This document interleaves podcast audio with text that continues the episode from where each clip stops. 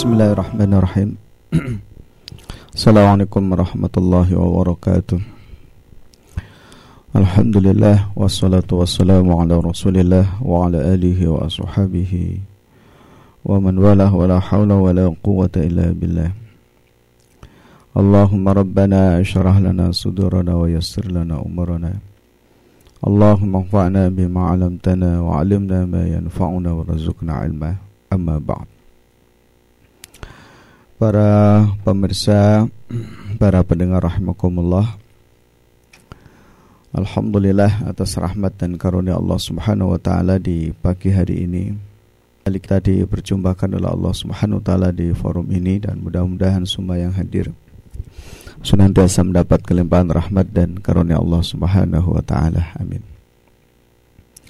Baik, insyaallah pagi hari ini kira-kira 40 menit ke depan kita akan melanjutkan pembahasan yang masih berkaitan tentang tawakal kepada Allah Subhanahu wa taala yaitu as-siqatu billah. As-siqatu billah siqah kepada Allah Subhanahu wa taala. Nah, dalam bahasa terjemahan bahasa Indonesia kita ini memang mengalami kesulitan. Karena untuk mencari padanan kata yang tepat dalam menjelaskan sikoh ini. Sama halnya dengan ketika kita ingin mencari padanan antara tawakal dengan taslim. Sama-sama diartikan pasrah. Tetapi perbedaannya adalah kalau taslim itu kepasrahan total seorang hamba kepada Allah terhadap syariatnya, terhadap ketentuannya, yang tidak ada ruang bagi manusia itu untuk berikhtiar. Tetapi kalau tawakal itu kepasrahan total seorang hamba kepada Allah Subhanahu wa taala yang masih disertai adanya ikhtiar atau usaha. Nah, ini adanya kesulitan ya. Nah, begitu thiqah. Ya, thiqah ini bisa diartikan percaya, padahal percaya ini e, bisa juga dalam arti iman. Iman juga diartikan apa? Percaya. Yakin juga yakin gitu. Ya, sikoh juga bisa diartikan yakin gitu. Jadi eh, mohon maaf ini padanannya yang agak sulit dalam bahasa kita. Tetapi sikoh itu begini. Ketika seseorang itu telah menyerahkan semua urusan kepada Allah gitu. Itu di dalam hati itu adanya sebuah ketenangan adanya sebuah itminan yang kemarin sudah kita bahas. Adanya sebuah sakinah ya, ketenangan yang ada di dalam dirinya. Hingga tidak ada lagi keraguan sedikit pun ya. Hingga tidak ada lagi keraguan sedikit pun terhadap janji Allah kuasa Allah kehendak dan kudrah Allah Subhanahu wa taala. Nah, di dalam contoh siqah asiqatu billah ini yaitu cerita tentang ibunda Nabi Musa alaihi salam. Ya, kisah tentang ibunda Nabi Musa alaihi salam yaitu pada surah Al-Qasas ayat yang ketujuh. Uh, ketika Allah Subhanahu wa taala berfirman, "Summa auhayna ila ummi Musa an ardi'ih. Fa idza khifti 'alaihi fa alqihi fil yammi wa la takhafi wa la tahzani inna ra'adtuhu ilaiki wa ja'iluhu minal mursalin. Fir'aun raja laknatullah tersebut membuat keputusan. Nah, di antara keputusannya adalah setiap bayi laki-laki yang lahir harus dibunuh. Dan itu dua tahun sekali, ya. Keputusan itu dijalankan dua tahun sekali. Nah, di saat Nabiullah Musa alaihissalam lahir, di saat keputusan itu dijalankan. Sehingga ibunda Nabi Musa alaihissalam ini mengalami ketakutan yang sangat besar. Maka menjauhlah beliau dari keramaian manusia. Ya, menjauh dari keramaian manusia. Hingga kemudian Allah Subhanahu wa taala ilhamkan kepada ibunda Nabi Musa alaihi salam ini menemukan satu tempat yang dekat dengan Sungai Nil. Ya, menemukan satu tempat yang dekat dengan Sungai Nil. Sungai Nil. Nah, ketika Nabi Musa itu lahir, maka rasa takut itu semakin kuat karena khawatir jangan-jangan prajuritnya Fir'aun yang sudah disebar ke seluruh penjuru pelosok itu, gitu kan? Mereka akan menemukan dengan mendengar apa? Tangisan. Ya. Mereka akan mendengar dengan tangisan Nabi Musa alaihi salam tersebut. Nah, maka kemudian Allah Subhanahu wa taala ilhamkan kepada ibunda Nabi Musa. Ya. Allah ilhamkan kepada ibu dan Nabi Musa untuk ketika nanti Nabi Musa itu lahir an ardi'i. Maka berilah dia susu secukupnya. Ya. Ketika kamu masih tetap takut fa idza khifti alaihi ya fa alqihi fil yam ketika kamu mengalami ketakutan maka letakkanlah Nabi Musa alaihissalam itu di satu kotak dan kemudian dihanyutkan di sungai Nil dihanyutkan di sungai Nil. Dan dalam ilham tersebut Allah Subhanahu wa taala memberikan ilham kepada ibunda Nabi Musa akan mengembalikan Musa itu kepadanya ya, akan mengembalikan Nabi Musa itu kepadanya dan akan menjadikan Musa itu termasuk di antara Rasul Allah Subhanahu wa taala. Ya, jadi fa idza khifti alaihi fa alqihi fil yam wala takhafi wala tahzani inna radduhu ilaiki ya, aku akan mengembalikan Musa itu kepadamu. Ya, aku akan mengembalikan Musa itu kepadamu. Ini sekiranya di dalam hati ibunda Nabi Musa alaihi salam tidak ada kesikohan yang kuat kepada Allah Subhanahu wa taala ya tidak ada kepasrahan yang totalitas dirinya kepada Allah Subhanahu wa taala tidak mungkin ia akan melakukan hal tersebut Nah, sehingga kemudian para ulama ketika menjelaskan tentang siqah ini juga sedikit kesulitan ya dengan perumpamaan-perumpamaan yang sangat banyak. Ya. Salah satu di antaranya adalah bahwa siqah ini diterjemahkan sebagaimana disampaikan oleh Al-Imam Ibnu Al-Qayyim Al-Jauziyah rahimahullah dalam kitab Madarijus Salikin. Jadi beliau mengatakan siqah ini adalah ibarat titik hitam. Ya, kalau mata itu ada yang putih, ada yang hitam. Nah, sikoh itu diibaratkan titik hitam dan mata itu diibaratkan sebagai apa? Yang titik putih itu diibaratkan sebagai tawakalnya seseorang kepada Allah. Bisa dikatakan sikoh ini adalah merupakan inti dari tawakal. Ya. Dan itu juga merupakan hasil dari tawakal, buah dari tawakal. Setelah kemarin kita bicara tentang sakinah, kita bicara tentang tomaknina, kita di sini bicara tentang asiqatu billah. Ya, siqah kepada Allah Subhanahu wa taala yaitu dijelaskan dengan suwaida qalbit taslim. Jadi titik hitam intinya ya hati yang sedang taslim pasrah kepada Allah Subhanahu wa taala. Yang hampir sama makna sikoh ini dengan tafwid. Ya, tafwid pun juga memiliki makna pasrah. Ya, dalam doa Rasulullah mengajarkan satu doa wa ufawwidu amri ilallah dan aku pasrahkan semua urusanku ini kepada Allah. Nah, ini sama halnya para pemirsa para pendengar rahmukumullah untuk mencari padanan kata tafwid ini juga susah. Ah. Baik, kita kembali ke asiqatu billah ini. Nah, oleh karena siqatu billah ini dianggap sebagai inti dari tawakal kepada Allah Subhanahu wa taala. Maka kemudian Tawakal itu seakan-akan tidak berjalan tanpa adanya kesikohan seseorang kepada Allah Subhanahu wa taala. Saya ambil gambaran sederhananya begini.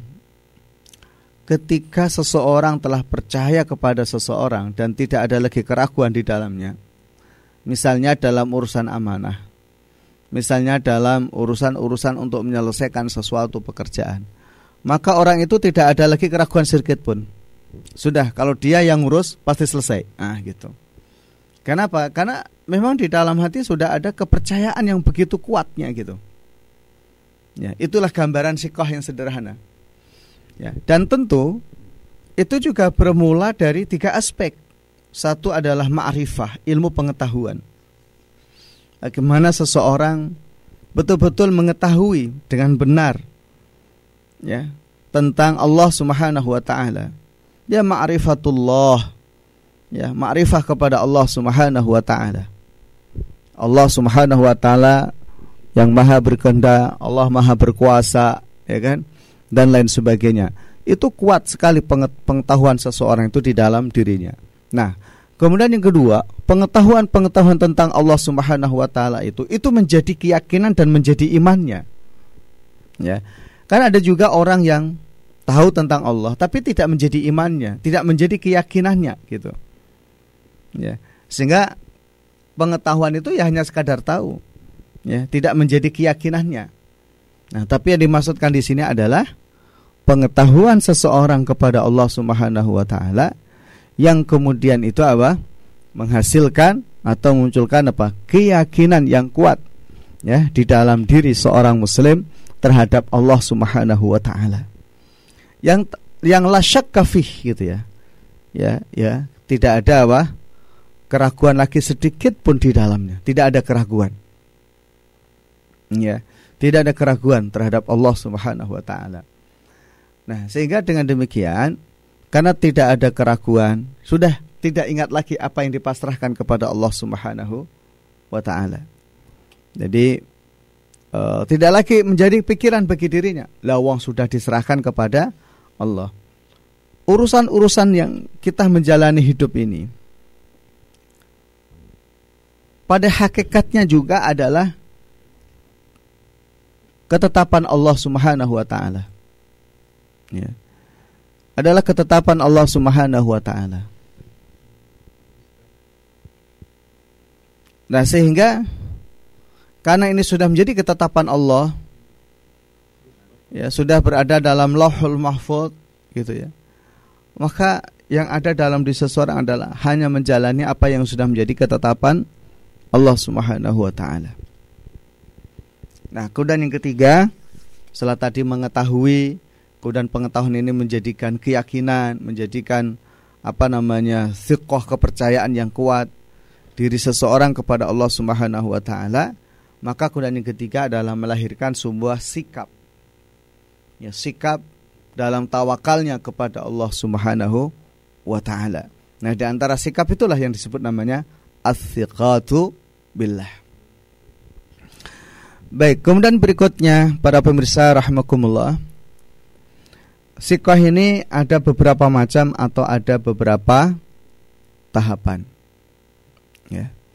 Sikoh ini ada beberapa macam atau ada beberapa tahapan. Yang pertama adalah darojatul iyas. Wahwa iyasul abdi an maqa muqawamatil ahkam liyak udaan munaza'atil aqsam liyatakhallasa min qihatil iqdam Iya sul abdi an muqawamatil ahkam. Jadi seorang hamba ini sudah melepaskan diri dari sebuah aturan normatif. Karena dia sudah percaya kepada Allah Subhanahu wa taala.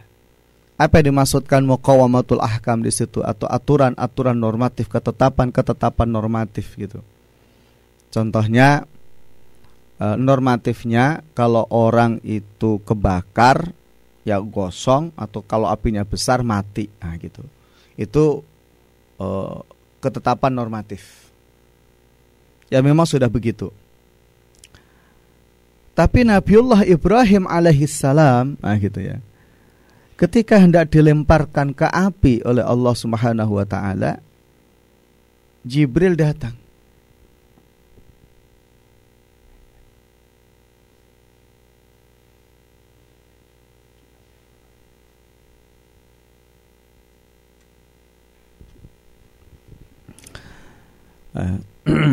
Jibril datang dan kemudian bertanya kepada Ibrahim. Ini mohon maaf bahasa mudahnya. Hai Ibrahim, kamu nggak berdoa kepada Allah gitu? Enggak. Terus? Ya enggak terus, enggak gimana gimana. Lawang Allah sudah tahu kalau aku nabinya kok. Terus mana? Pasti ditolong. Nah itu. Ya, pasti ditolong. Itu gambaran Iyas. Dia sudah melepaskan segala aturan normatif. Sebab akibat. Kenapa begitu? Karena Allah Maha Kuasa atas segala sesuatu.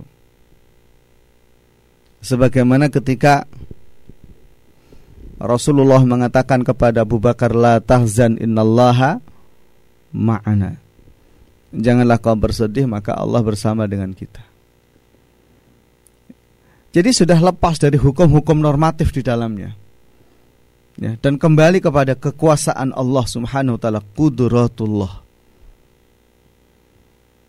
Ketika Nabi Musa diperintahkan Allah untuk memukul tongkatnya ke laut, Ya normatifnya apa sih?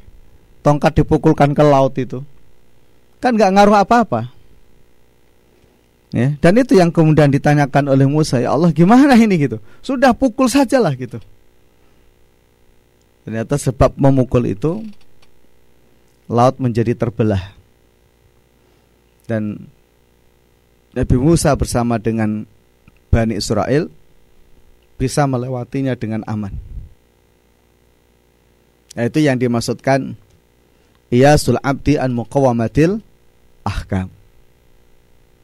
Jadi bagaimana seorang hamba itu sudah melepaskan ya ketergantungan hukum-hukum normatif alam. Ya. Karena dia sudah berada di dalam keyakinan rengkuhan bersama dengan kekuasaan Allah kudratullah subhanahu wa taala. Kemudian berikutnya liyak udaan munaza'atil aqsam agar seseorang itu bisa menempati dalam sebuah makom. Ya. Yang makom ini tidak munaza'atil aqsam sudah melepaskan diri dari perdebatan yang hubungannya dengan apa? Bagian. Contoh tentang rezeki. Ya ini tentang rezeki. Namanya rezeki itu sudah ditentukan oleh Allah Subhanahu wa taala. Coba kita renungkan gitu ya. Ada orang jualan misalnya, udah di pinggir jalan. Ketok di tempat yang rame, tapi sepi juga jualannya. Ya, tapi di sisi lain ada orang jualan di pinggir sawah. Jauh dari keramaian gitu. Malah sangat rame gitu. Yaitu kalau kemudian kita melihat di situ, kita boleh kok protes sama Allah gitu, ibaratnya gitu ya. Tapi kan itu sudah menjadi kehendak Allah. Kenapa? Ya ruzuku may yasha'u bighairi hisab. Jadi Allah Subhanahu wa taala itu memberikan rezekinya kepada siapa saja yang Allah kehendaki. Gitu. Maka hadis tentang tawakal Rasulullah katakan law annakum tawakkaluna 'ala Allahi haqqa tawakkuli Seandainya kalian itu bertawakal kepada Allah Subhanahu wa taala dengan sebenar-benarnya tawakal la rozaqakumullah Allah pasti akan memberikan rezeki kepada kalian. Kama yarzuqut thair sebagaimana Allah memberikan rezeki kepada burung. Yaghdu bitonan ya. Di pagi hari itu burung ketika keluar dari sangkarnya dalam keadaan apa? Perutnya lapar sama tidak ada makanan. Perutnya kosong. Tapi wataruhu ya, himasan ya, mohon maaf terbalik. Ketika pagi hari ya himas itu apa? Kantong makanannya itu kosong, tapi wataruhu bitonan. Ketika di sore hari sudah dalam keadaan apa? Kenyang. Nah, di situ Rasulullah menekankan lau annakum tatawakkaluna 'alallahi gitu. Seandainya kalian bertawakal kepada Allah Subhanahu wa taala gitu. Haqqa tawakkulih gitu. Dengan sebenar-benarnya tawakal gitu. Allah akan memberikan rezeki kepada kalian sebagaimana Allah memberikan rezeki kepada burung. Ketika pagi hari kantongnya dalam keadaan kosong, sore hari tiba-tiba dalam keadaan apa? Kenyang, penuh isinya. Ya. Jadi para pemirsa, para pendengar rahimkumullah, hidup ini juga begitu. Ada orang ketakutan menjalani hidup karena hubungannya dengan matematika. Saya sendiri saja sebulan hidup itu dengan uang 2 juta misalnya. Terus gimana kalau aku nanti nikah? Ya kan? Berarti aku harus membutuhkan uang 4 juta. Itu untuk makan. Belum nanti keperluan bla bla bla bla macam-macam. Berarti aku satu bulan harus mencari kebutuhan 6 juta. Kalau punya anak satu tambah 8 juta. Terus begitu gitu. Ini gimana cara menaikkan? Padahal gaji saya cuma segini nih. Saya nggak berani nikah dong. Nah, gitu. Ya Van ya. Nggak berani nikah dong. Nah itu kalau kita menghitung hukum normatifnya tadi. Ya. Padahal Allah Subhanahu wa taala Maha Kuasa atas segala sesuatu. Kita tidak perlu menempati satu tempat yang kemudian kita munazaatil aksam, berdebat mengenai tentang bagian yang Allah berikan kepada kepada kita. Nah, kenapa kita harus kemudian melepaskan diri dari hukum normatif supaya tidak memperdebatkan apa yang sudah menjadi ketentuan Allah Subhanahu wa taala? Karena liyatahallasa min qihatil iqdam. Supaya kemudian kita itu lepas ya lepas dari bentuk keluh kesah mengajukan persoalan terus ini kepada Allah dan juga kepada makhluk.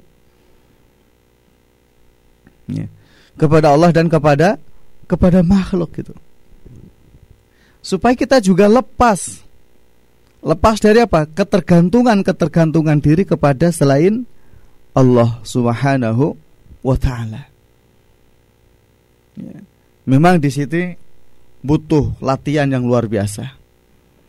Ya, riyadhatun nafs.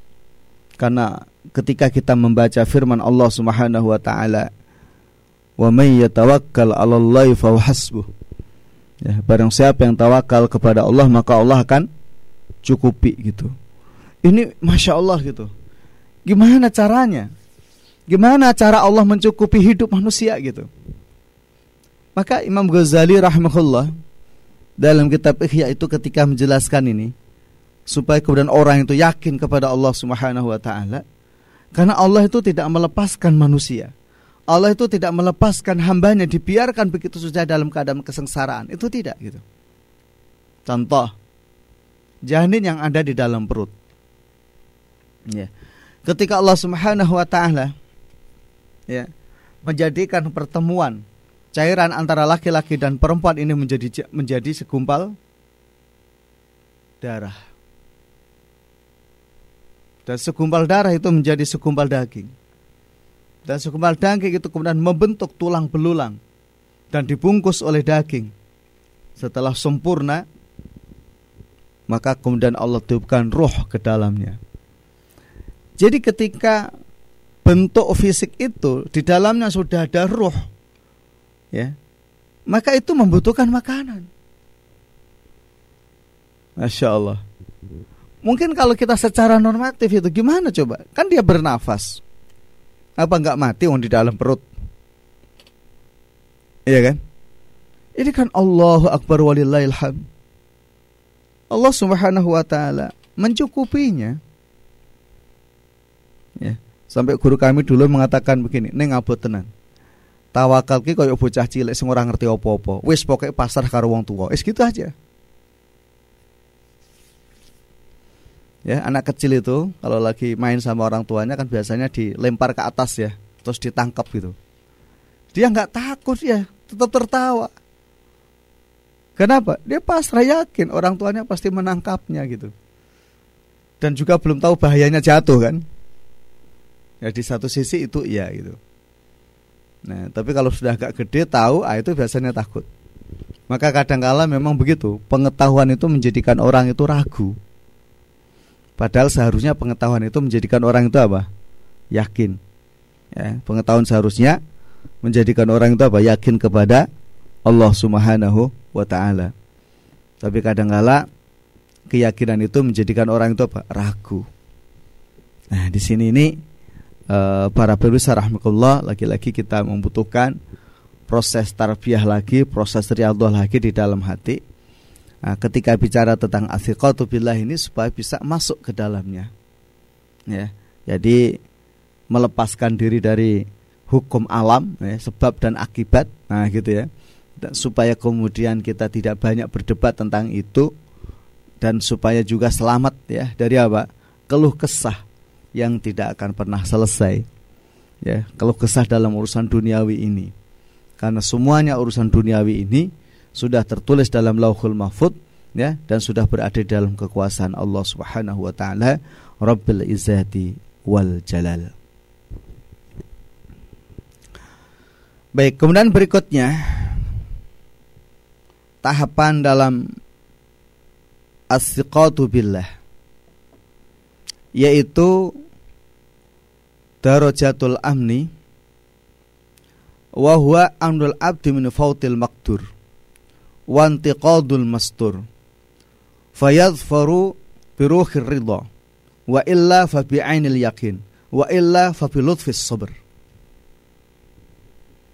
Ya, Tahapan berikutnya tentang asiqatu billah ini. Darajatul amni.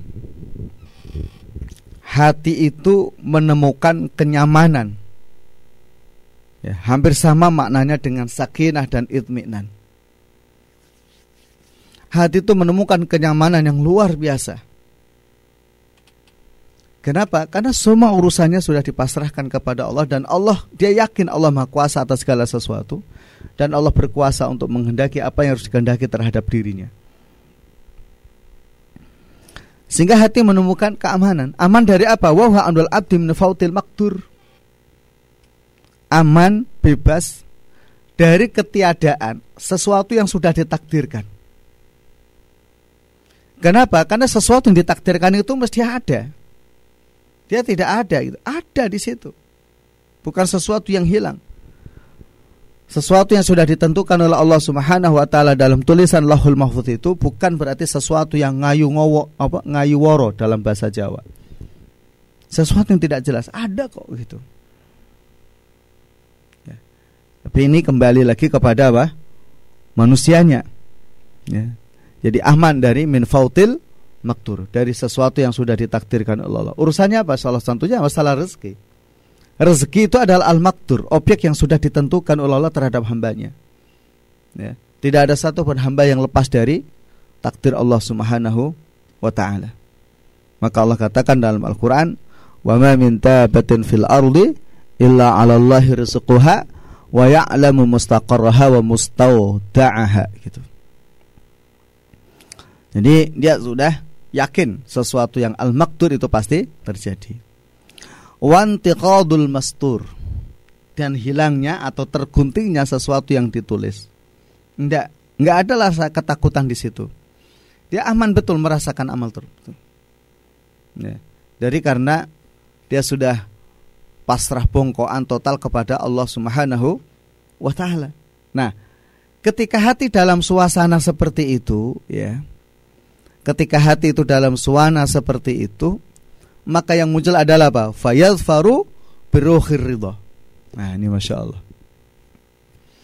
Akhirnya hati itu menemukan apa? Keridhaan, ridha. Ya, Masya Allah, ini yang paling abad ki ridho ini. Ini berat ridha ini.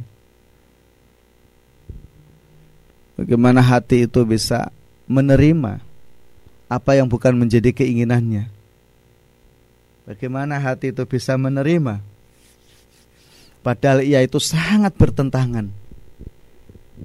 Bahkan bisa jadi ketika orang itu berdoa kepada Allah Subhanahu wa taala gitu.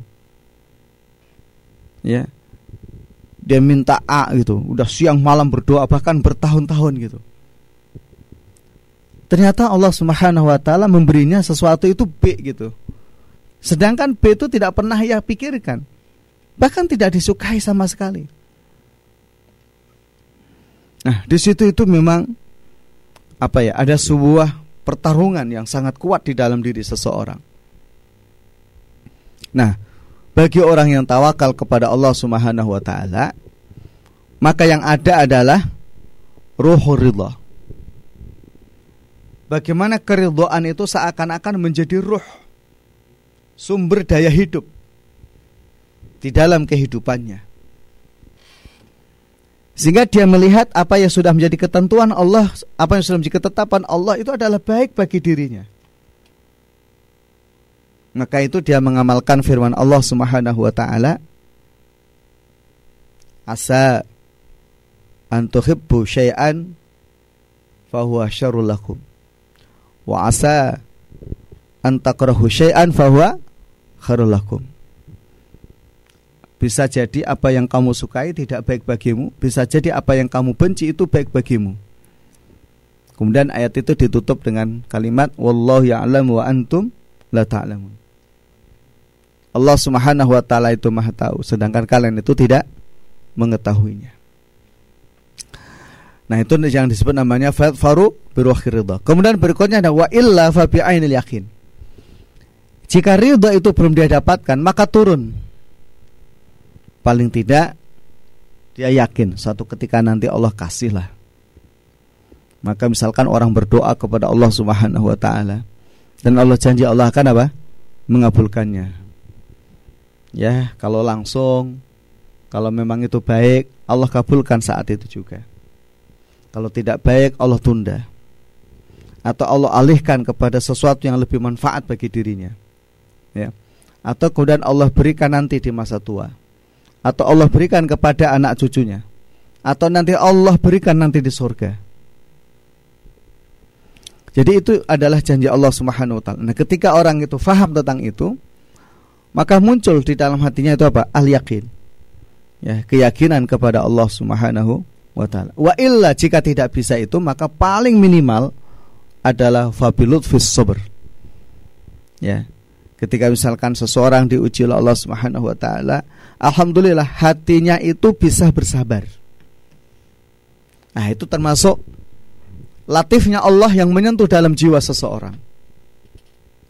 Karena ketika seseorang diuji oleh Allah dan dia tidak bisa bersabar, ketika orang itu dikasih kenikmatan oleh Allah dia tidak bisa bersyukur gitu.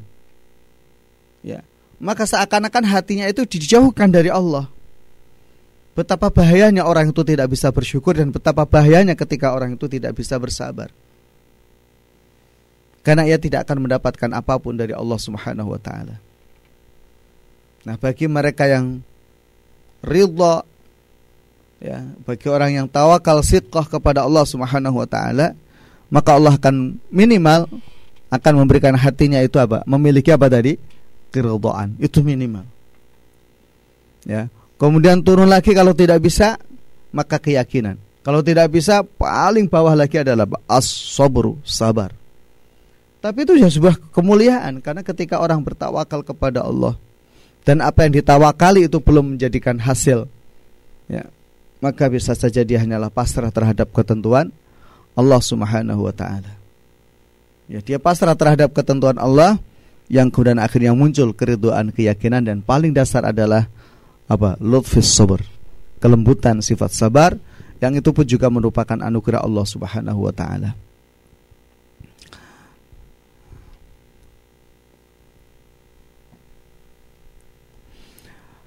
Rasulullah Sallallahu Alaihi Wasallam dalam hadis yang diriwayatkan oleh Imam At-Tabrani juga disebutkan oleh Imam Al-Haythami dalam kitab Majma'uz Zawaid Rasulullah katakan begini, "Innallaha bi'adlihi wa qistihi ja'ala ar-ruha wal farah fil yaqini war ridha wa ja'ala al-hamma wal husna fi syakki was sukhti." Nah, menarik nih. Sesungguhnya Allah itu dengan adilnya menjadikan ruh dan gembira itu kepada yakin dan ridha. Apa maksudnya? Ruh seseorang itu akan kuat pada keyakinan. Dan orang akan menemukan kegembiraan kepada keridhaan. Jadi ruh ini akan kuat kokoh ya. Di dalam menghadapi situasi yang sulit. Untuk menguatkan itu hanya butuh satu, yaitu apa? Keyakinan, al-yaqin. Ya. Butuh keyakinan. Yakin kepada siapa? Janji Allah Subhanahu wa taala, ketentuan, ketetapan Allah Subhanahu wa taala. Nah, sedangkan wajah alhamma wal hasda fi syak wa sukhti. Allah Subhanahu wa taala akan menjadikan apa? Alham. Ya. Itu kesibukan seseorang memikirkan sesuatu itu ham. wal hazan dan sedih. Ya. Maka Allah jadikan terhadap apa? Fisyakki wasukti. Orang akan ragu dan selalu murka terhadap ketentuan Allah Subhanahu wa taala. Jadi karena enggak ridho, akhirnya mencaci maki. Goro-goro udan. Nah. Uh, goro-goro no virus corona ini. Goro-goro. Nah itu seakan mencaci terhadap apa? Takdir Allah Subhanahu wa taala. Akhirnya mohon maaf tidak ada lagi dalam dirinya itu apa? Rasa seneng, bahagia gitu ya. Terhadap apa yang sudah menjadi ketentuan Allah Subhanahu wa taala itu tidak ada. Ah, tentu ini yang uh, perlu menjadi satu proses perenungan bagi kita semuanya tentang asyqatu billah. Jadi kalau orang itu sedih kenapa sedih? Ya karena tidak ridha. Ya.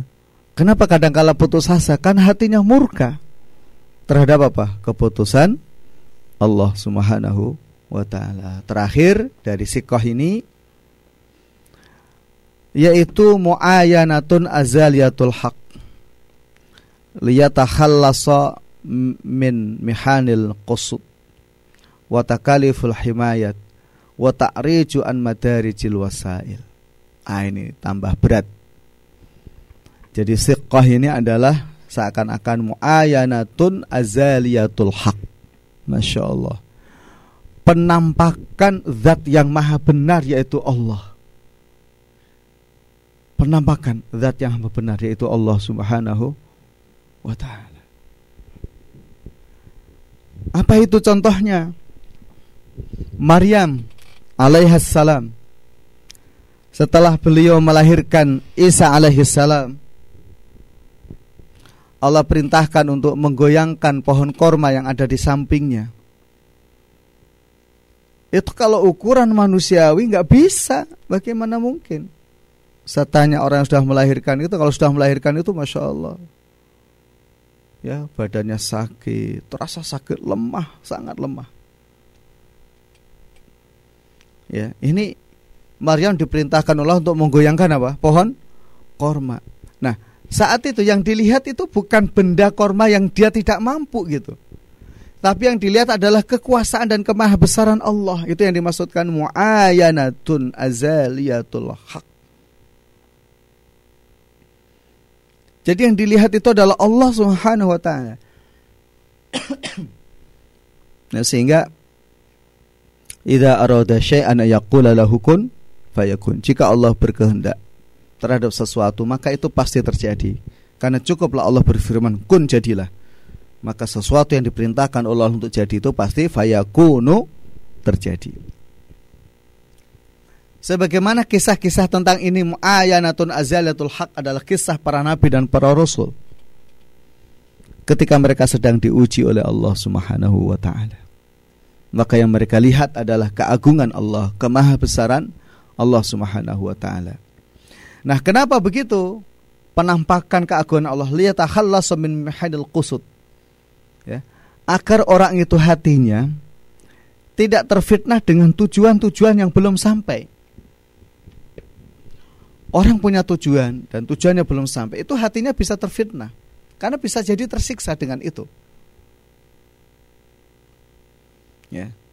Karena banyak di antara manusia ini menganggap bahwa keinginannya atau cita-citanya itu harus terwujud. Padahal Allah Subhanahu wa taala Maha berkuasa atas segala sesuatu. Allah Maha berkuasa atas segala sesuatu. Dan karenanya ketika orang itu yakin terhadap kekuasaan Allah, maka justru semakin kuat imannya kepada Allah Subhanahu wa taala. Sebagian kisah kaum muslimin ketika perang Azab, wa mazatuhum ila imanau wa taslima. Tidak ada satu pun yang menambah kepada mereka kecuali apa? Iman dan taslim mereka kepada Allah Subhanahu wa taala. Dan juga supaya lepas lagi apa? Wa takaliful jamaah himayat. Orang itu tidak lagi bergantung kepada perlindungan manusia, tetapi hanya yakin terhadap perlindungan Allah Subhanahu wa taala. Nah, ini. Kemudian wa ta'riju ala madarijil wasail. Orang itu sudah lepas meninggalkan semua wasilah. Masya Allah tambah habot meneh. Mungkinkah? Mungkin saja. Allah menciptakan Adam tanpa wasilah apa pun ibaratnya. Allah menciptakan Nabi Isa ada wasilahnya siapa? Ibundanya. Tapi ala kulli hal itu adalah kekuasaan dan kemahbesaran Allah Subhanahu wa taala. Sehingga ketika orang memahami tiga poin tadi di dalam bertawakal kepada Allah Subhanahu wa taala, maka fa Allah derajat seseorang itu akan naik, naik, naik dan naik terus sampai kemudian orang itu sampai kepada keharibaan Allah Subhanahu wa taala dalam penuh kesyukuran dan keridhaannya kepada Allah. Demikian yang dapat saya sampaikan di pagi hari ini tentang as-siqatu billah. Mudah-mudahan yang sedikit ini bermanfaat. Allah alam bisawab. Subhanakallahumma bihamdika asyhadu an la ilaha illa anta astaghfiruka wa atubu ilaik. Assalamualaikum warahmatullahi wabarakatuh.